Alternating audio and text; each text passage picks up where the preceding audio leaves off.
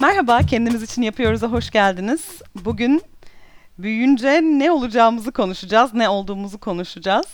E, dört genç kadın olarak küçükken verdiğimiz bir kararın kariyerlerimizi nasıl şekillendirdiğini konuşacağız. Üniversiteye girme aşamasında özellikle lisedeyken insanın kafasında birçok hayaller olabilir. Belki hiçbir şey olmayabilir. Ama en nihayetinde bir karar veriyoruz ve bu karar bizi nasıl etkiliyor? O zaman kestirmek çok güç oluyor. En azından 4 senemizi geçireceğimiz, hangi kantinde oturacağımız, kimlerle çay içeceğimiz, hangi derslere gireceğimizi e, çok küçük bir yaşta karar vermek gerçekten çok zor. Bu karar hayatımızda nasıl etkili oldu, ne kadar etkili oldu bunu konuşacağız. Tuğçe seninle başlayalım bugün. Seninle hiç başlamadık. Evet ee, bu, bu, bu, bu golün bana atılacağını biliyordum bu bölümde ya. o zaman hazırlanmışsındır. Şunu söyleyeyim. Şimdi 20'li yaşlarının sonlarında olan e, kadınlarız. E, önce bir kariyerinden bize bir bahsedip sonra nasıl başladığını anlatabilir misin? Aa ters köşe yaptım. Ben önce üniversiteden başlarım diye düşünmüştüm. Kariyerime nasıl başladım? Şöyle, e, ben pazar araştırmacıyım. Bu titreden de hiç hoşlanmıyorum. Ne demek pazar araştırmacı? Böyle deyince çünkü hiç kimse bir şey anlamıyor. Hep bir açıklama gereği hissediyorum. Ee, bir pazarlama çağında yaşadığımızı düşünürsek yani e, Instagram'da bile mesela 10 dakika vakit geçirseniz bir sürü reklama ya da pazarlama aktivitesine maruz kalabiliyorsunuz. Dolayısıyla pazarlama çağında yaşıyoruz. Bu pazarlama çağında da şöyle bir ihtiyaç doğuyor herhangi bir pazarlama aktivitesini yapmadan önce ya da yaparken ya da yeni bir ürün çıkartırken e, firmalar. Bunu önce bir e, pazarda nasıl bir potansiyeli olacağını öngörmek için bir teste tabi tutuyorlar. Tüketici testleri dediğimiz şeyler. Ben bunlarla ilgili olarak 6 senedir bu mesleği yapıyorum. E, bugüne kadar 3 farklı şirkette çalıştım. Bunlardan ikisi çok büyük bilinen e, global uluslararası şirketlerdi. Şu an daha lokal bir şirkette çalışıyorum. Hmm, ya çok bilinçli bir tercih miydi? Kısmen. Şöyle kısmen. Ben sosyoloji okudum üniversitede. Sosyolojiye de şöyle girdim. Oradan bir alayım oradan anlatayım. Ee, pek çok sosyoloji okuyan insan gibi güzel yurdumda. Ben de aslında psikoloji istiyordum. Puanım tutmadı diye sosyolojiye girdim. Bu bir dramadır. Doğru çok yaygın bir şey değil mi? çok tabii canım. Bir de reklamcı olmak hep öyleydi. ya reklamcı lisede bir ara öyle bir özenmiştim. Çok yaratıcı olduğumu falan düşünüyordum da yok öyle bir potansiyelim yani. Nereye reklamcı oluyorum?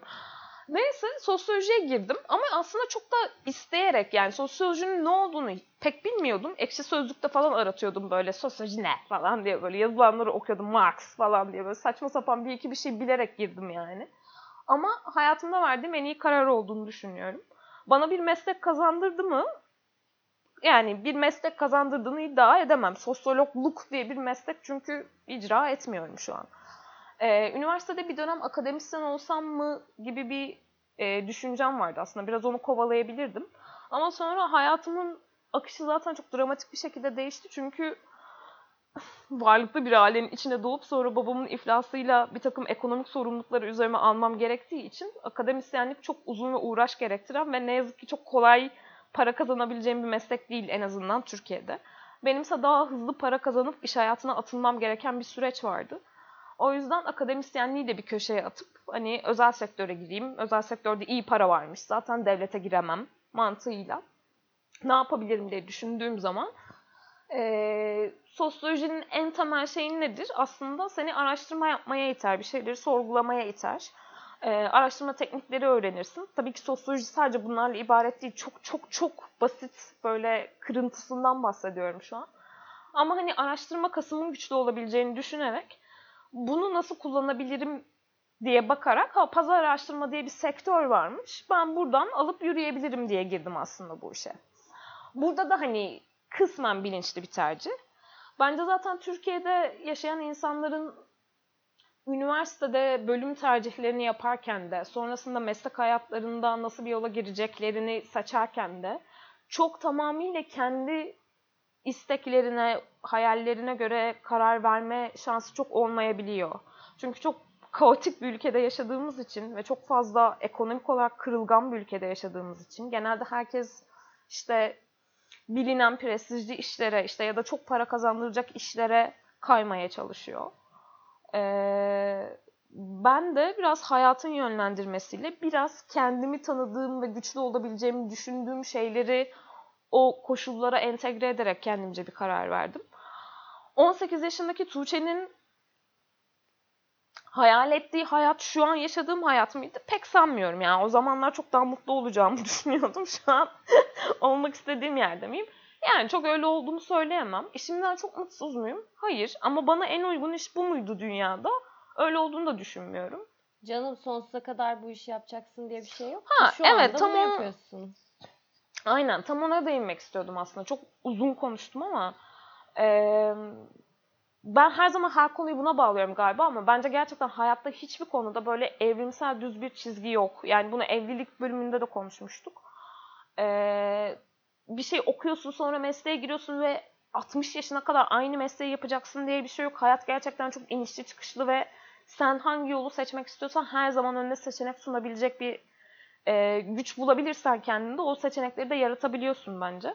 Şu an pazar araştırmacıyım. Belki 10 sene sonra bambaşka bir sektörde çalışıyor olacağım. Belki çok daha mutlu olabileceğim, kendime uygun bir iş buluyor olacağım. E, bu zamana kadar aldığım eğitimin de yaptığım işin de bana çok ciddi katkıları olduğunu da düşünüyorum. Bir perspektif katma anlamında. Ve para kazanma anlamında. Ama benim için daha ideal yollar olabileceğini de düşünüyorum da bir yandan. Peki ben bir şey söyleyebilir miyim? Mesela 2020 yılı itibariyle bu tercihi yapıyor olsan yine o sosyoloji seçer miydin? Seçerim. Vay. Sosyoloji konusunda çok netim abi. Ben çok severek okudum ki yani Türkiye'de beşeri bilim okumak çok zor bir şey çünkü kimse sallamıyor seni. Yani ben 4 sene boyunca hep şu lafları duydum böyle eşten, dosttan, akrabadan, otobüs durağındaki hiç tanımadığım teyzeden hani ne okuyorsun yavrum? Sosyoloji deyince böyle çok acıklı bir ay gelirdi böyle bir tepki. Hani acıyan gözlerle bakarlardı bana.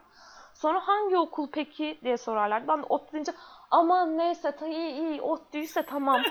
En azından.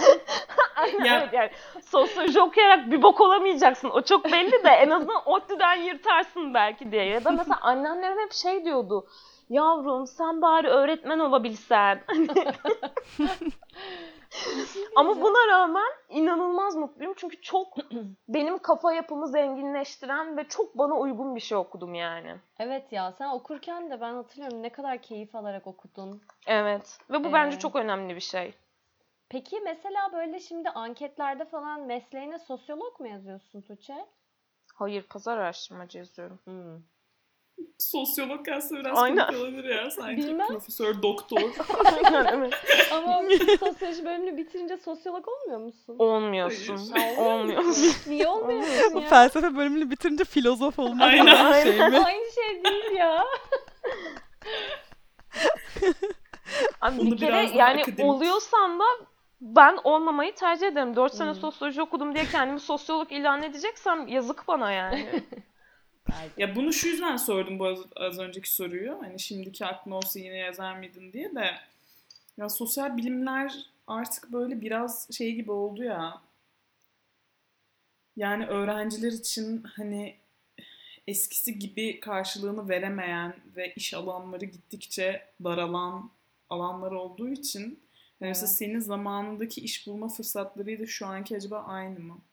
Ben buna katılmıyorum ya.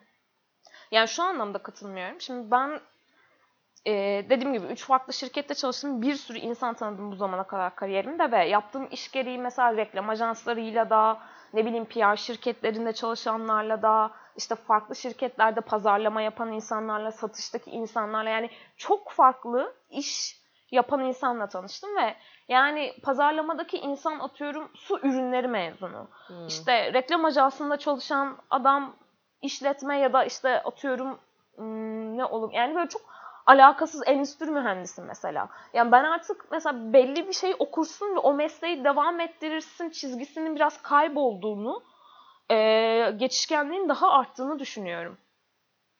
Belki bu özel sektörde böyledir bilemiyorum.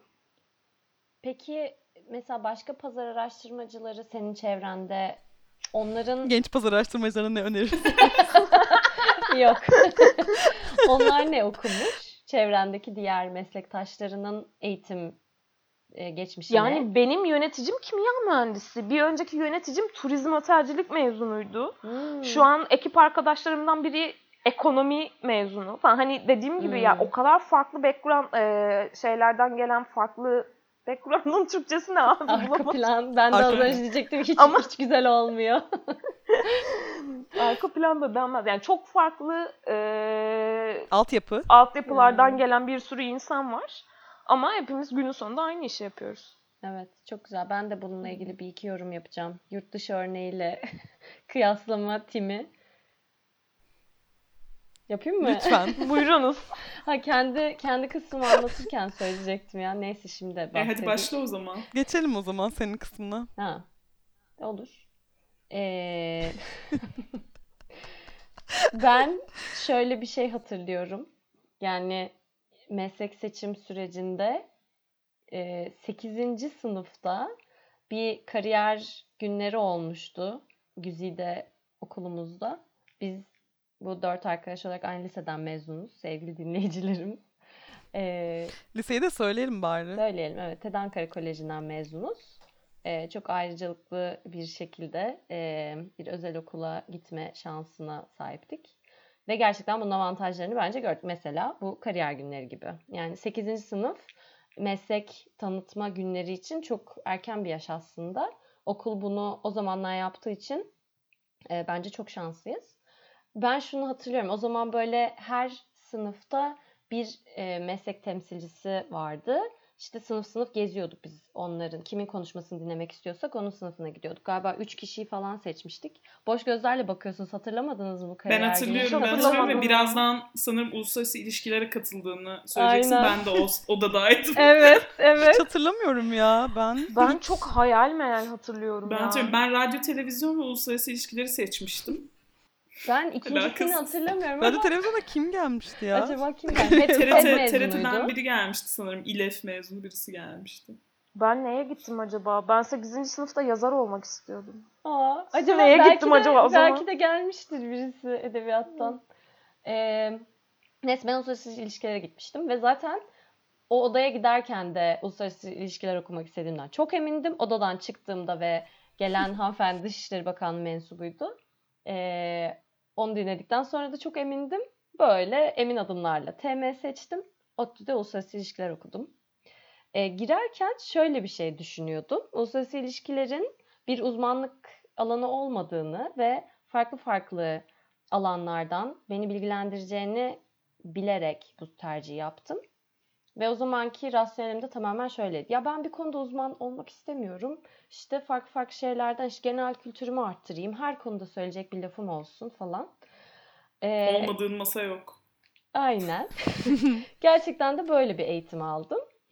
Ee, ve bundan okurken de çok muzdarip olan arkadaşlarım vardı. Ee, üniversiteden arkadaşım bizi sıkı takipçilerimizden biri dinleyen Tuğçe'cim. Sürekli konuştuğumuz şey bu. Ee, o mesela okurken de çok üzülüyordu. Hiçbir şeyin uzmanı olmadık, mesleğimiz olmadı falan diye. Ben senelerce Tuğçe'ye hayır hayır bak çok güzel böyle dedim. Ee, mezun olalı kaç yıl oldu? 7 yıl oldu. Ve 7. yılımızda e, lanet okuyorum. Keşke e, bir mesleğimin oldu. Çünkü bak mesela sosyoloji okudun, sosyologsun. İnatla beni sosyolog yap. ya neyse. Tamam ya istesen diyebilirsin. Ben uluslararası ilişkiler uzmanı Ya bu mıyım? ülkede Yusuf Ziya Özcan bile sosyolog. Ben sosyoloğum demek istemiyorum ya. Tamam. Ee, neyse ben uluslararası ilişkiler okur, okumaktan çok keyif aldım. ODTÜ'de okumaktan müthiş keyif aldım. Gerçekten genel kültürümü genişlettiğimi düşünüyorum ve biraz iktisat, biraz uluslararası hukuk öğrendim. Diplomasi de öğrendim tabii ki. Ee, ama en nihayetinde bir meslek sahibi olamadığım için e, şu an biraz üzülüyorum. İkinci bir hakkım olsa daha teknik bana bir şey kazandıracak, daha bir uzmanlık alanı kazandıracak bir mesleği tercih edebilirmişim. Ee, ama okurken de aklımda e, şu fikirler vardı. Ben takmıştım abi. Hani 90'lar çocuğu olmanın belki de bir şeyidir. Sürekli Avrupa Birliği duyarak büyüdük. Avrupa Birliği projelerini görerek büyüdük falan. Belki oradan, belki başka şeylerden. Ben uluslararası örgütlerde çalışmak istiyordum. Uluslararası örgütlerin kalkınmakta olan ülkelere olan desteklerini çok e, ilgiyle takip ediyordum. Bu yüzden e, bölümde okurken de uluslararası örgütleri daha odaklı bir şekilde seçtim derslerimi. Üzerine e, güzel bir burs alıp yurt dışında uluslararası kalkınma okudum. Yine aynı şey perspektifi devam ettirerek. Sonra da Türkiye'ye geri döndüğümde e, uluslararası bir örgütte çalışmaya başladım. E, insani yardım ve işte kalkınma projeleri diyebiliriz. Son 5-6 senedir bu tarz şeylerde çalışıyorum. Geçtiğimiz bölümlerde geçti. 2 seneye yaklaşık bir süre önce Kanada'ya göç ettim. Göç hakkında da daha sonra konuşacağız. Kısa kesiyorum. Şimdi e, bu insani yardım ve uluslararası kalkınma şeyini burada daha yerel sivil toplum örgütlerinde ekonomik ve sosyal kalkınma projelerine dahil olarak devam ediyorum. E, bence uluslararası ilişkilerden bayağı uzaklaştım. Çünkü bölümümün, ya benimle birlikte mezun olan bölüm arkadaşlarımın çoğu şu an devlette çalışıyor. Bakanlık, çeşitli bakanlıklarda çalışıyorlar. Dışişleri Bakanlığı'na girmiş de bir sürü arkadaşım var. Ee, ekonomi ve ticarette de bir sürü arkadaşlarım var falan. Bence onlar okulda öğrendiklerini belki daha fazla uyguluyorlardır günlük hayatta. Ben e, uluslararası bir örgütle çalışırken belki biraz daha fazla uluslararası tarih e, bilgilerimi kullanıyordum. Bu monolog daha fazla uzuyor. Nereye gideyim güzel bilmiyorum. Güzel şeyler duyuyoruz. Ee, Yani mesela sen çok kararlı bir şekilde başlamışsın. Yani 8. sınıfta kaç yaşında oluyoruz? 14 mü? 14, 13-14 yaş- evet. 14 yaşında oluyoruz. 14 yaşında karar vermişsin. Ya 14 yaşındaki Esin şimdiki Esin'i görse ne düşünürdü? E, bence özellikle uluslararası örgütlere girdiğim için çok mutlu olurdu. E, çünkü o gerçekten çok net bir hedefti ve e, dünyada olan biten bir takım e, yani insani ve işte kalkınma projelerine hangi milletten olursan ol bir sürü farklı e, background'dan insanın aynı masaya, aynı ofise toplanıp aynı amaç için çalışması bence çok değerli bir şey. E, şu anda da aslında bir nevi böyle. Hani benim derdim bir yerden işte birilerinin hayatını iyileştirmeye çalışmak, birilerinin yaşamını daha iyiye götürmek için projelerde e, çalışıyor olmak. Bunun için biraz dünyayı ve globalliği öğrenerek hani e, eğitim almamın bugünüme çok katkıda bulunduğunu düşünüyorum. Ama dediğim gibi yani 14 yaşındaki Esin'e şunu söylerdim. Bir mesleğin olsun. bir altın bileziğin olsun. bir altın bileziğin Evet olsun ya. derdim yani. Ya da Ama neden yani? Hayallerini gerçekleştirmişsin. Mesleki eğitim sana ekstra ne sağlayacaktı? ya doğru haklısın. Bilmiyorum. Ee, Ben bir şey sorabilir miyim sonra? zor. Bö- Böldüğüm için şu an soruyorum. Zor. Ee, şimdi mesela birisi geldi sana dedi ki sihirli değnek. Evet. Şu an dedi 18 yaşına dönebilirsin. Hmm. İstediğin okulda istediğin bölümü okuyabilirsin. Hmm. Ne seçerdin? Ee, ya ben bir kere birkaç sene daha geriye giderdim ve MF seçerdim. Ve e, şey okurdum. Hayır. Böyle bir bomba Yok çıkıyormuş bir anda. Tıp okuyup Ben Covid'le mücadele etmek istiyorum. olmak istedim ama hayatın yanlışlığı beni uluslararası ilişkiler. Aynen. Nasıl bir yanlışlıksa.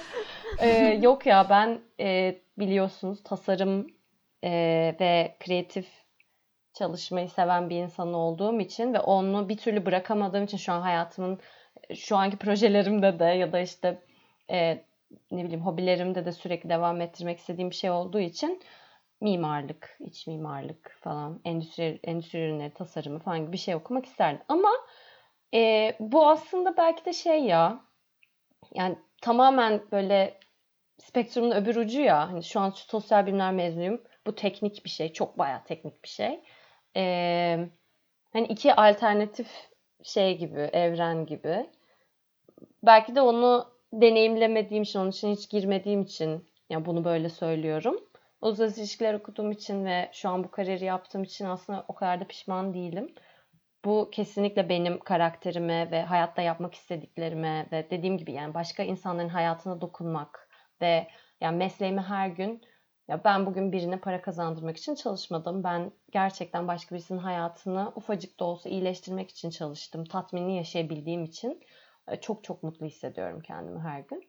E, bunda sosyal bilimler okumadan ya yapan insanlar tabii ki var. Tuğçe'nin dediği çok doğru. Artık career shift çok kolay ve işte teknik okul okuyan insanlar da aslında sosyal bilimler konusunda kendilerini okuyarak geliştirebiliyorlar. Biraz şöyle bir haksızlık oluyor sadece. Sosyal bilimler okumuş insanlar teknik şeyleri mezun olduktan sonra öğrenemiyorlar ya da işte traininglere, bootcamp'lere falan gitmeleri gerekiyor. Özel ceplerinden para harcayıp e, buna bir yatırım yapmaları gerekiyor. Öyle bir haksızlık görüyorum sadece şu an. Doğru söylüyorsun. İsterseniz buradan evet. ben devralayım aynı evet. sektörde çalışan evet, ama farklı bir bölümden mezun bir insan olarak. Ee, yani ismin anlattığı sektörde çalışıyorum. Şu an benim daha fazla detay vermeme gerek yok. Ama ben hukuk fakültesi mezunuyum. Ee, o 8. sınıftaki kariyer günlerinde ben de uluslararası ilişkiler gitmiştim ve benim amacım diplomat olmaktı. Bunu çok istiyordum. Ama sonra benim de hukukçu olan annem ve babam bana dediler ki sen hukuk her şeyi yaparsın. Ya doğru aslında yani. Ben burada minicik bir şey anlatacağım. Biz Dicle ile ilkokul arkadaşıyız. Ben hatırlıyorum ilkokulda büyünce ne olmak istiyorsun sorusuna senin hukuk dediğini, ben avukat olacağım dediğini hatırlıyorum. Ama muhtemelen anne baba etkisidir ama evet. böyle çok net bir anı var aklımda. Yani evde işte icra, dilekçe falan gibi şeyler konuşulunca ve ben o terminolojiye hakim olunca kendimi çok iyi salmışım herhalde bu işte. Ama şöyle hani okula başlıyorsun ve bir ay sonra herkes zaten o terminolojiyi öğreniyor senin gibi. Neyse. E, ve benim bir de puanım yüksek gelince benim başka bir şey tercih etme şansım olmadı. Biraz öyle bir sıkıntı oldu. Ee, şimdi şöyle ben hepinize sordum şu an elinizde sihirli değnek olsa işte mesela şu an yazar mıydın vesaire diye. Sanırım aranızda en çok bu tercihinden muzdarip olan kişi benim. Ee, ben biraz kolaycı bir insanım. Ve hem herkesi memnun edecek hem de en kolay işte benim hayatta kalabileceğim ya da para kazanabileceğim ya da yani rahat edebileceğim diyeyim bölümü seçtim. Yani bu benim hayatta yapabileceğim belki de en iyi ikinci iş. Ama yani benim elimde öyle bir fırsat olsa ben tabii ki müzikal tiyatro okurdum. Yani ideal bir dünya olsa. Ee, bu hani hem dış faktörlerden hem iç faktörlerden olamadı. Ve ben hani bunu zaten hayal bile edemedim. Yani o yüzden 8. sınıfta diplomat olmak istiyordum. Hani o yüzden lisede TM seçip hukuk okumaya başladım. Çünkü hani ben zaten bu hayalimi yapamayacağım. Bu bir hayal. Bu bir plan aşamasına geçmeyecek. O zaman bunun yanında ben en kolay ne yaparım diyerek böyle bir şey seçtim. Ee, Ankara Hukuk Fakültesi mezunuyum. Yani en iyilerden bir tanesi olarak kabul edilen Ankara Hukuk Fakültesi mezunuyum. Ama ben hukuk eğitiminin Türkiye'deki hiçbir verildiği okuldan memnun değilim. Ee, büyük ihtimalle dinleyen bazı hukukçu arkadaşlarım bana kızabilir özellikle Ankara Hukuk mezunları. Ama yani hukuk eğitimi bir aslında mesleki bir eğitim değildir. Yani orada seni avukat olmaya hazırlamamalı. Orada seni hakim ya da savcı olmaya hazırlamamalı. Orada seni gerçekten bir hukukçu olarak düşünmeye itmeli. Ama bunu bilmiyorum ben ne kendi fakültemde gördüm ne de diğer fakültelerde olduğunu hiç sanmıyorum. Çünkü yine bizimki hani en köklü o zamanında Alman hocaların falan gelip bir ekol yarattığı okullardan bir tanesi. Ona rağmen böyle bir şey yok. Ben hukuk eğitimini İngiltere'de de aldım. İşte Erasmus'ta gittim. Master'da gittim. Yani orada gerçekten bambaşka bir yaklaşım var. Hani gerçekten argümentasyon yapmaya yönlendiriyor seni. Hani bir şeyleri ezberlemeye ya da ne bileyim yani bir hakim gibi karar vermeye değil de karşılıklı argümentasyon yaratmaya yönlendiriyor. Ee, benim bölümümden muzdarip olmamın bir sebebi de şudur. Hiç kesinlikle internasyonel bir bölüm değil. Yani burada mesela dört sosyal bilimciyiz. Yani ben de hukuk aslında sosyal bilim midir bilmiyorum şu an biraz yanlış gaf yapmış olabilirim ama e, hani ne bileyim hukuk bir bilim midir? Eşit ağırlıkçıyız diyeyim hadi dördümüzde. evet. E, mesela Tuğçe sosyoloji bitince sosyolog olmuyor. Sen uluslararası ilişkileri bitirince mesleğin olmuyor. Hani bunu söyledin. Ben hukuku bitirince ve üzerine staj yapınca avukat oldum. Evet.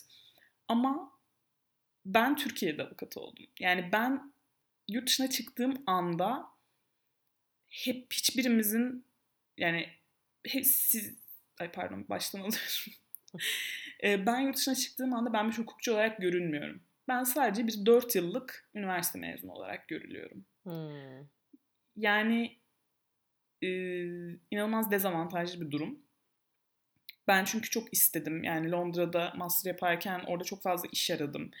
E, işte tiyatrolarda dondurma satma işlerine falan da başvurdum mesela. E, ama olmadı. Yani avukatlık ofisleri zaten hiç şey yapmıyorum. Konuya dahil bile etmiyorum.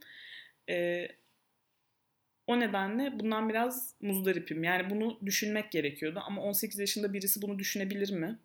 Hayır.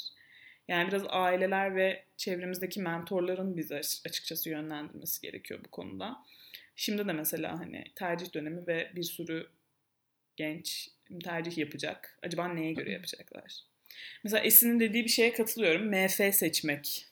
Yani fence olmak, mühendis olmak. Hem Türkiye değişiyor.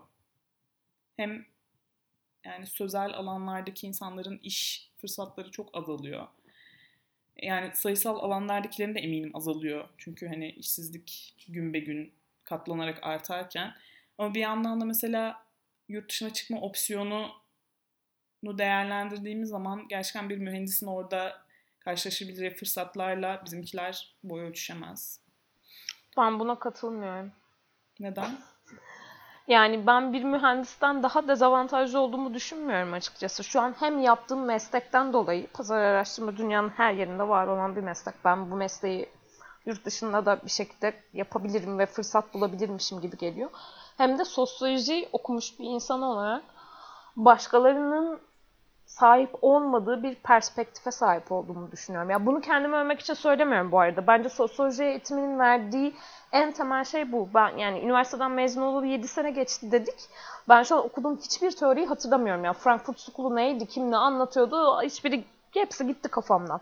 Ama kesinlikle verdiği muazzam bir e, analitik bakış açısı var ve bu her ne iş yapıyorsan yap e, çok kritik bir şey ve sırf buna sahip olduğun için bile bir takım fırsatları kendin yaratabilir misin gibi geliyor. Ya ben bu sayısalcıların sözelcilerden yüksek tutulması mevzusuna çok tutuluyorum da o yüzden. Ben, ben yüksek tutmuyorum. Yani ben yüksek tutar mıyım arkadaşlar? Saçmalamayın. Hani Türkiye derecesi yapmış bir insanın bunu da ekleyin burada dinleme dinleyicilerimiz bilmeyenler varsa. bilmeyenler varsa Ama buyursunlar. Şöyle bir şey söylüyorum sana. Yani bu bir gerçek. Anladın mı? Sen şu an Türkiye'de zaten hali hazırda işin var ve sen hani 7 yıl önce bu piyasaya girmiş bir insansın. Yani şu anki koşulları bilmiyoruz.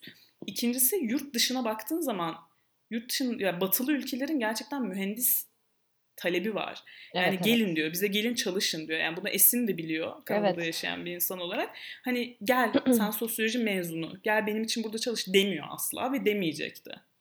Yani evet. sayısalcıların avantajı bu. Onlar bizden üstün olduğu için değil. Onlar sadece talep görüyorlar şu an. Talep gördükleri için de şanslılar, avantajlılar. Ya bunu ben belki de başka bir bölümde hani göç konuşurken yurt dışında göç ve kariyer e, olarak da konuşuruz. Biliyorsunuz benim şu an yaptığım iş de bu e, alanda. E, bununla ilgili çok fazla gözlem yapma fırsatım da oldu. E, Dicle'nin dediğine ben de katılıyorum maalesef talep bakımından. Ama senin söylediğin yani sayısalcıların sözelcilere göre daha yukarıda görünmesi şeyi kalbimizi acıtıyor. Ee, böyle bir şey keşke olmasa. Hmm, ama ya maaşlar, maaş skalalarına falan baktığında da öyle maalesef. Yani teknik bilgi batıda daha geçerli. Ama ya bir yandan da şeyi düşünüyorum. Küçücükken biz ya bundan 15 sene önce gerçekten yurt dışında yaşama gibi hayallerimizin olacağını ve olmak zorunda olacağını falan hiç bilmiyorduk. O yüzden de hani yurt dışında geçerliliği olan meslek diye bir şey tabii ki düşünmedik ve kararımızı bunun üstüne kurmadık. Belki hala hani bunu düşünmeyen insanlar vardır ama işte hayat bazen sonra seni o seçimi yapmak durumuna sokunca işte o zaman geriye dönüp tercihlerinden daha fazla sorguluyorsun. Ya bir de çok kısa bir parantez açacağım. Sonra da bence Nihan'a da devredelim. Nihan da bir kendini anlatsın. Yani o tercih meselelerinde az önce Dicle de değindi. Zaten hani aileler çok işin içine giriyor. Yani ailelerin ve mentorların doğru yönlendirmesi gerekiyor. Ama Türkiye'de ne yazık ki zaten ben ne ailelerin ne de mentorların gençleri iyi yönlendirebildiğini düşünmüyorum. Ya benim annem ben TM seçerken bana şey demişti. Ancak hukuk okuyacağına söz verirsen TM seçmene izin veririm diye. Ben MF seçeceğim diye kağıt doldurdum. Annem beni okula gö- götürüyordu MF seçim kağıdını teslim edeyim diye. Annemi arabada bırakıp okula girdim. Yeni kağıt alıp TM yazıp annemden habersiz TM seçtim yani. Kızmadı mı ya sonra? Tabii ki çok kızdı. Ben üniversitede sosyoloji okuyacağım dediğim zaman da böyle iki gün ağladı falan sosyoloji ne diye. Çünkü yani onların kafa yani biz, bizim bizden bir önceki kuşağın kafasında çok net işte tıp okursan doktor olursun. Doktorluk ne olduğu belirli bir meslek. Mühendislik ne olduğu belirli bir meslek. Avukatlık ne olduğu belirli bir meslek. Bunlardan biri olsun istiyor. Yani o kadar dar ki zaten skala. O yüzden seni zaten doğru yönlendirme imkanı yok yani. Ben psikoloji okuyacağım falan dediğim zaman da annem böyle ne yapacağım psikoloji okuyup falan diyordu yani. Hani o kadar bir karşılığı olmayan bir şey ki. Ay, ben, bu arada ben psikoloji harika bölümmüş ya. Psikoloji gerçekten okunası bir Ay bölümmüş. şu an klinik psikolog olup Ya evet ama neyse paraya para olmak da daha çok demezdim diyeceğim ama psikolog takipçilerimizi kızdırmak istemiyorum. Yok onlar da çok fazla e, sertifika programlarına vesaire katılmaları gerekiyor. Evet, daha aynen. yeni konuştum bunu bir Aynen. arkadaşımla ve yani klinik psikolog olmak için gerçekten çok ciddi bir emek ve Tabii para canım. harcamak gerekiyor.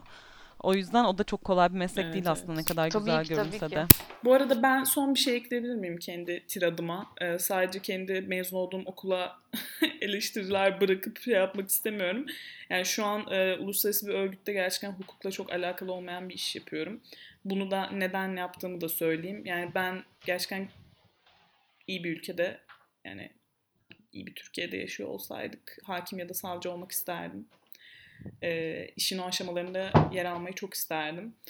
E, ama maalesef e, şu an pek durumlar el vermiyor bunun için. E, kurumsal avukatlığı da denedim. Kurumsal avukatlık bizde çok popülerdir. Özellikle TED Ankara Koleji mezunuyuz yani bizim tanıdığımız e, avukat olan bir sürü arkadaşımız e, İstanbul'da kurumsal e, hukuk bürolarında çalışıyorlar. E, gerçekten camlarını dişlerine takıyorlar. Haftada 5 gün fazla mesai yakalıyorlar. E, bazıları iyi para kazanıyor, bazıları ortalama para kazanıyor. Ben bu hayatı denedim bir yıl ve hiç sevmedim. Sonra Esin'in bahsettiği gibi yaptığım işten tatmin olacağım bir yere geçtim. Bu da insani yardım ve Neden sevmedin? çünkü başkalarına para kazandırmak için manyak gibi çalışmak pek hoşuma gitmedi açıkçası. Yani en azından kendim kazanıyor olsam, hani o işin başı ben olsam, işçi avukat olmasam biraz keyif verebilirdi ama şimdi hem ben orada işçi avukatım hem bir yandan da bambaşka bir büyük bir şirketin birazcık daha para kazanması için işte günde e, 18 saat mesai yapıyorum. Hani bu pek, pek benim kafama yatmadı. Welcome to Sonra- my life. Sonra bir uluslararası örgüte geçtim ve mülteciler için çalışmaya başladım ve bu bana inanılmaz bir kişisel tatmin verdi. Hatta şöyle oldu, kendi isteğimle fazla mesaiye kalmaya başladım. Evet. Ee, bu nedenle hani hukuk okuyan insanlarda da şey olmamalı kesinlikle. Yani kendini bir e, o mesleki alana hapsetmek e, doğru bir yöntem olmayabilir her zaman. Çünkü bu alanda da şunu yaşadım. Bir hukukçu olduğum için her zaman e, öne geçtim. Yani iş başvurularında, mülakatlarda her zaman öne geçtim. Yani bunun da avantajını bu şekilde yaşamış oldum. Tabii. Yine kendime bulduğum kısa yollardan bir tanesi diyerek konuyu kapatıyorum. Aslında hukukçu olarak e, ilk mesela aynı aynı iş yerinde çalışırken mültecilerle ben şunu hatırlıyorum. E, karar verme yetisini ve becerisini değerlendirmek istedikleri için bizi işe alan insanlar hukukçuları özellikle tercih ediyorlardı. Yani bu bile aslında senin teknik Türk hukuku biliyor olman değil ama karar verme, karar verici e, olmak için bir eğitim almış olman bence seni o süreçte çok e, öne geçiren bir şeydi. Şimdi aslında Nihan'ı dinlemek çok ilginç olacak. Çünkü e, seçtiği bölüm ve şu an yaptığı iş arasında bayağı fark var. O yüzden Nihan hadi sen anlat biraz da. Şöyle başlayayım. Ya ben bir spor spikeriyim. Bu meslek gerçekten çok revaçta olan bir meslek ve böyle genç kızların falan eminim ki ya da işte bir sürü genç erkeğin çok fazla em, imrendiği, gözünde çok büyüttüğü bir meslek. E, bu arada çok güzel bir meslek. Gerçekten iyi bir, yani çok farklı bir meslek. Ya ben çocukken tiyatrocu olmak istiyordum. Aa, Daha böyle çok küçükken yani hakikaten 10-12 yaşına kadar falan bayağı tiyatrocu, oyuncu olmak istiyorum falan diye hep dolaşmıştım. Aa. Ee, ama o zaman tabii küçüktüm. Çocuktum ve zaten insanın çocukken kafasına şekillendiği meslekler çok sağlıklı oluyor mu emin değilim. Sonra biraz daha işte büyüyünce falan gazeteciliğe çok ciddi bir ilgi duymaya başlamıştım. Yani ideal bir senaryoda belki de gazete yani daha siyasi konularla ilgilenen bir gazeteci olabilirdim. Ve üniversiteye giderken de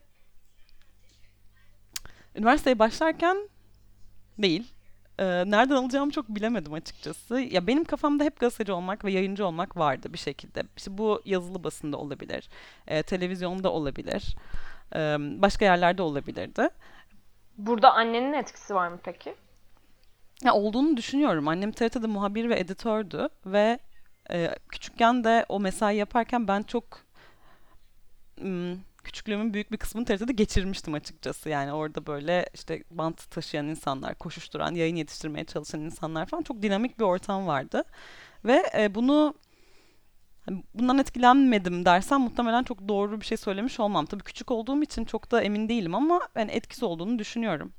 Biraz geride kaldı tabii. Çok da iyi hatırlamıyorum ama ODTÜ'ye girmeyi de çok istiyordum ve siyasette çok ilgiliydim lisedeyken. Çok fazla şey okuyorduk. Ee, Dicle aynı sınıftaydık, o da hatırlar. Büyük tartışmalar yapıyorduk, şeyler okuyorduk, böyle üzerine konuşuyorduk vesaire. O yüzden siyaset bilimi okumayı da çok istedim. Yani ODTÜ'ye birinci tercihim olarak girdim. Siyaset bilimi ve kamu yönetimi bölümü benim ilk tercihimdi ODTÜ. Ve oldu. Ee, Kendimi çok şanslı hissediyorum bu yüzden. Ee, Bunu yapabildiğim için, istediğim şeyi okuyabildiğim için çok da mutlu bir şekilde okudum.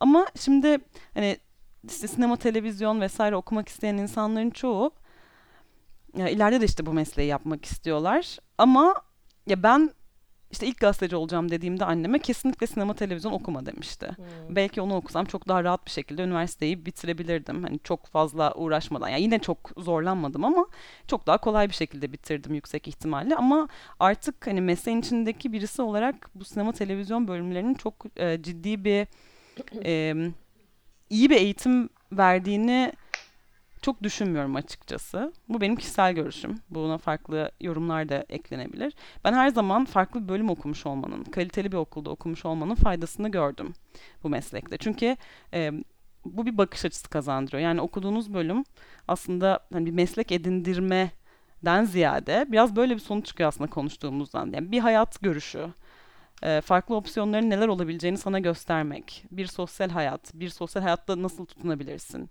e, ilişki nasıl kurabilirsin, yani dünyaya nasıl bakarsın, tamamen bunu gösteren bir şey bence. Ve bu bakış açısı farklılığını ben her zaman mesleğimde, meslektaşlarımda hissettiğimi düşünüyorum. De işte gazeteci olmak istiyordum. Zaten sporcuydum. Sporu her zaman çok seviyordum. 2000 yılından beri olimpiyatları hiç kalkmadan izlerdim çocukluğumdan beri. Ve bu yüzden sporun içinde yer almak da beni her zaman çok mutlu etti. Ee, her zaman da hani böyle olduğu için de mutlu olacağım. Yani tekrar dönüp baktığımda, Dice sen sormadan ben cevabını vereyim. tekrar dönüp baktığımda baştan okur muyum? Ya, muhtemelen okurum bu arada. Çok mutlu bir şekilde okudum.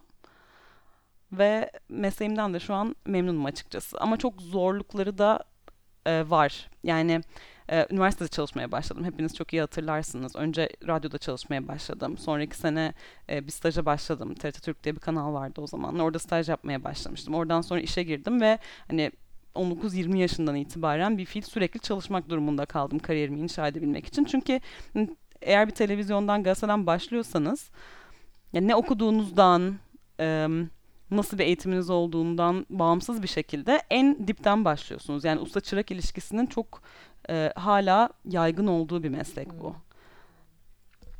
Bu yüzden yani istediğin kadar üniversitede haber yazmayı öğrenmiş ol. Oradaki editörün senin e, haberlerini düzeltecek, değiştirecek.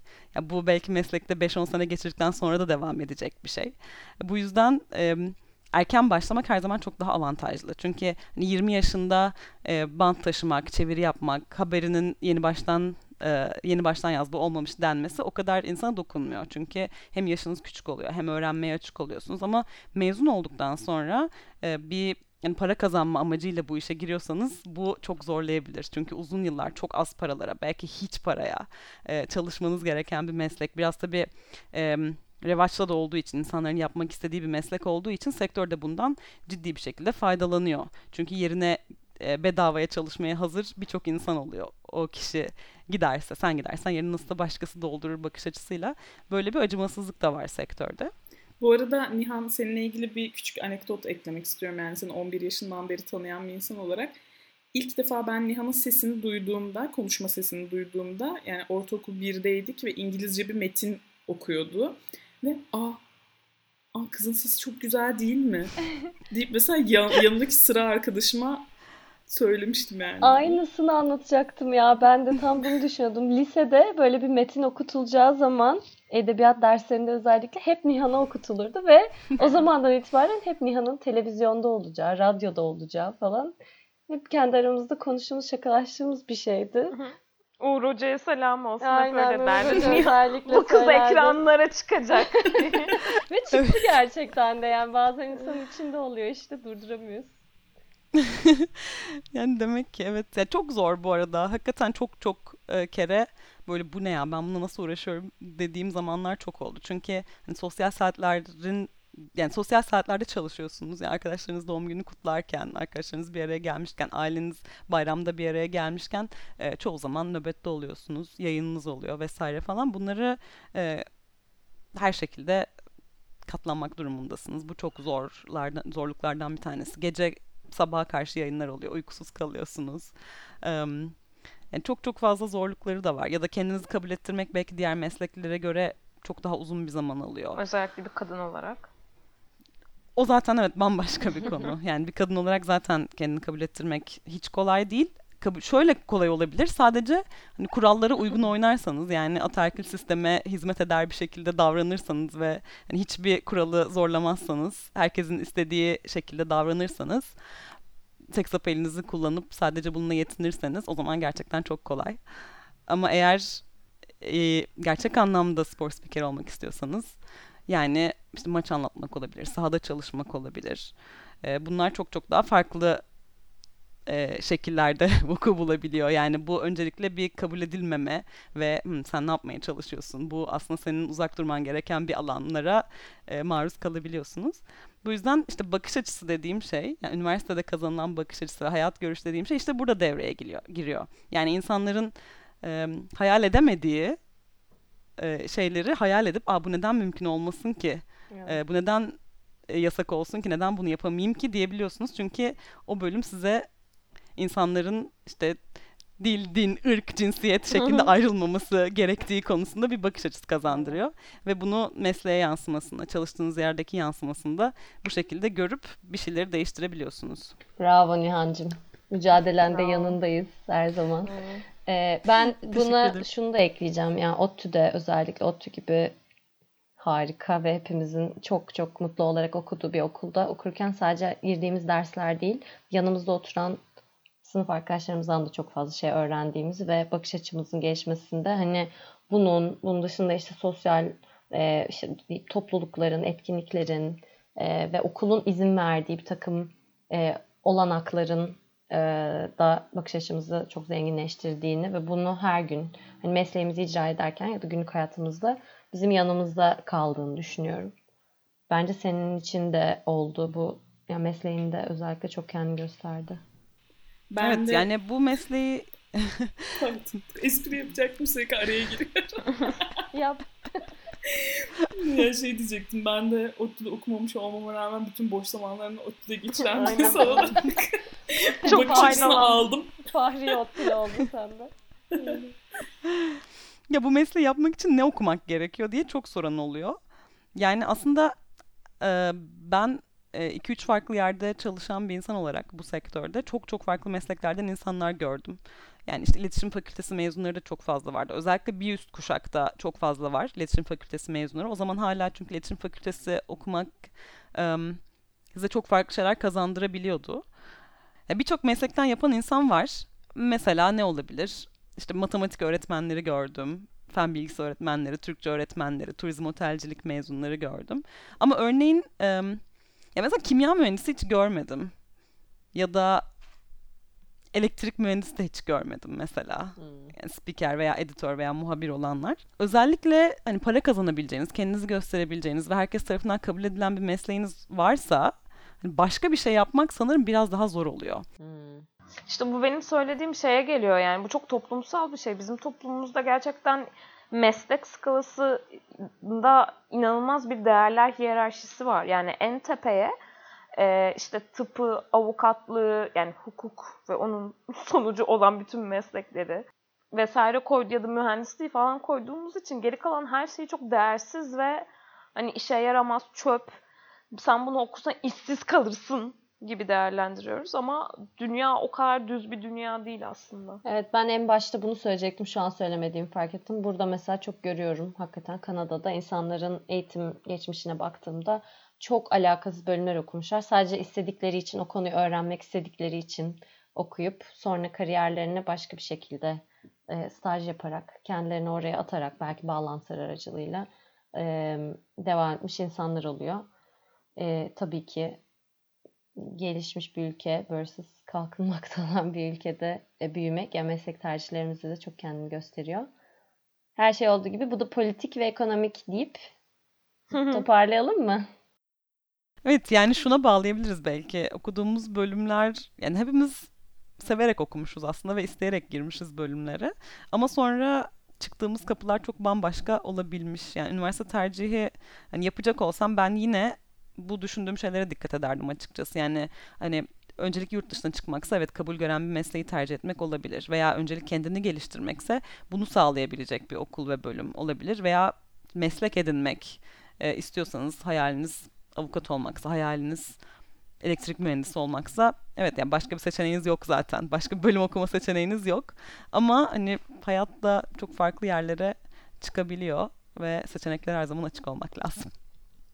Önümüzdeki hafta görüşmek üzere. Hoşçakalın. Hoşçakalın. Hoşçakalın. Bye.